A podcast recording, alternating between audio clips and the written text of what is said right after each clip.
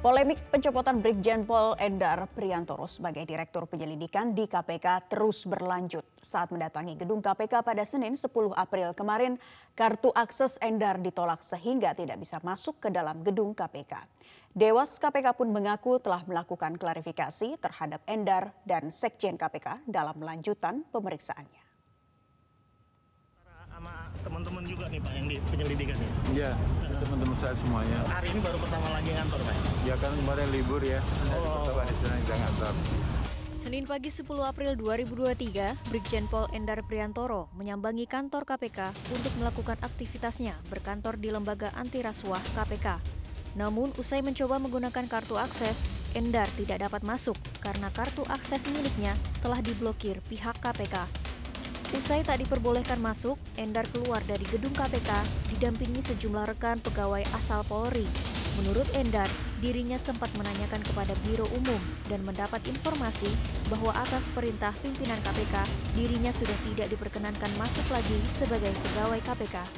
Masuk, kemudian saya ternyata off dan saya juga tadi konfirmasi ke Pak Jo selaku Biro Umum dan memang betul perintah pimpinan uh, saya sudah tidak diperkenan lagi masuk sebagai pegawai biasa. Hmm. Artinya bahwa uh, anda sendiri saat ini sebenarnya tujuannya hanya ingin masuk dan mengambil barang Anda mungkin ya gitu atau seperti apa Pak?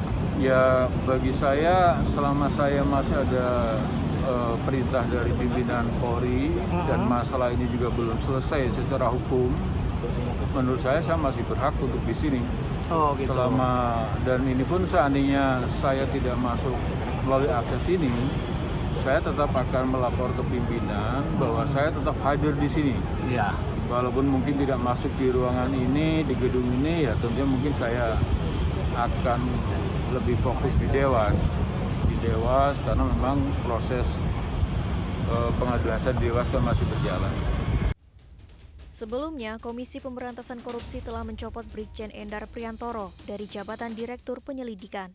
KPK juga telah mencabut kartu akses masuk ke area dalam gedung merah putih tersebut. Menurut Wakil Ketua KPK, Alexander Marwata, dalam ketentuan KPK yang punya akses adalah pegawai aktif. Endar sudah diberhentikan per 1 April 2023. Pencopotan Brigjen Endar dari Direktur Penyelidikan KPK ini menuai polemik lantaran Kapolri, Jenderal Listio Sigit telah memperpanjang masa tugas Endar di KPK dengan bersurat kepada pimpinan KPK. Kapolri juga kembali membalas surat penghadapan kembali Endar ke Polri yang dikirim KPK. Dalam surat tersebut, Kapolri kembali meminta agar Endar tetap bertugas di KPK. Brigjen Endar pun telah mengadukan polemik ini ke Dewan Pengawas KPK. Dewas KPK pun telah bergerak cepat dengan memeriksa Endar sebagai pelapor dan Sekjen KPK Cahya Hahareva sebagai salah satu terlapor. Endar berharap Dewas KPK bisa menuntaskan polemik yang terjadi. Mantan Ketua Umum Partai Demokrat Anas Urbaningrum siang ini bebas dari Lembaga Pemasyarakatan Sukamiskin Bandung, Jawa Barat. Setelah bebas, rencananya Anas akan buka-bukaan soal kasus Hambalang.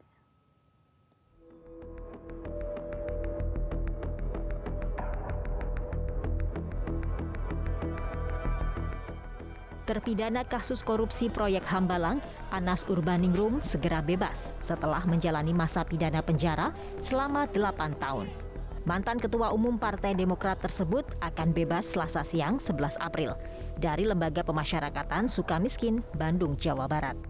Mantan anggota Komisi Pemilihan Umum ini tersangkut kasus korupsi Hambalang.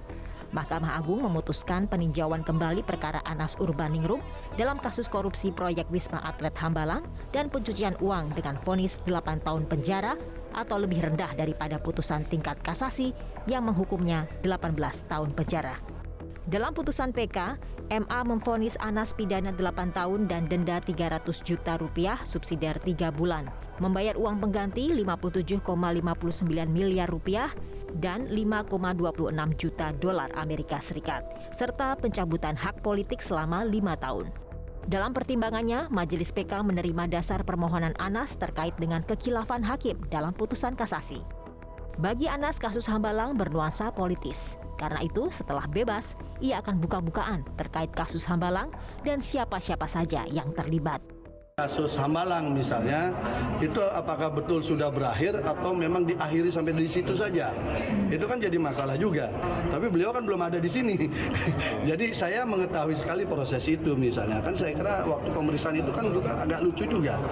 Mempermasalahkan kongres kan gitu. Tapi ketua SC nggak diperiksa, ketua Dewan Pembina tidak diperiksa untuk menjelaskan bagaimana peristiwa itu terjadi. Nanti di situ akan dibuka juga. Hmm. Tidak hanya sekedar soal sepindik bocor yang menjadi problem sejarah hitam KPK waktu itu. Hmm. Itu kan sepindik bocor, kemudian bocornya dari sebuah simbol kekuasaan itu kan sudah bahasa yang bagaimana tidak independennya waktu itu. Anas Urbaningrum memang dikenai pencabutan hak politik untuk memilih dan dipilih dalam pemilu.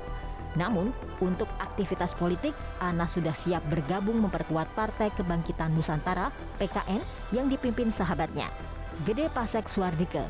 Beliau akan ada di kita dan beliau akan buka semua sisi-sisi yang dulu terjadi sehingga orang jadi paham bahwa yang kemarin itu juga tidak tidak sesuci seperti yang dibayangkan. Akan kasih jabatan apa? Anas bersama dengan PKN berpotensi memperpanjang perseteruan berhadapan dengan Partai Demokrat yang dipimpin Agus Harimurti Yudhoyono.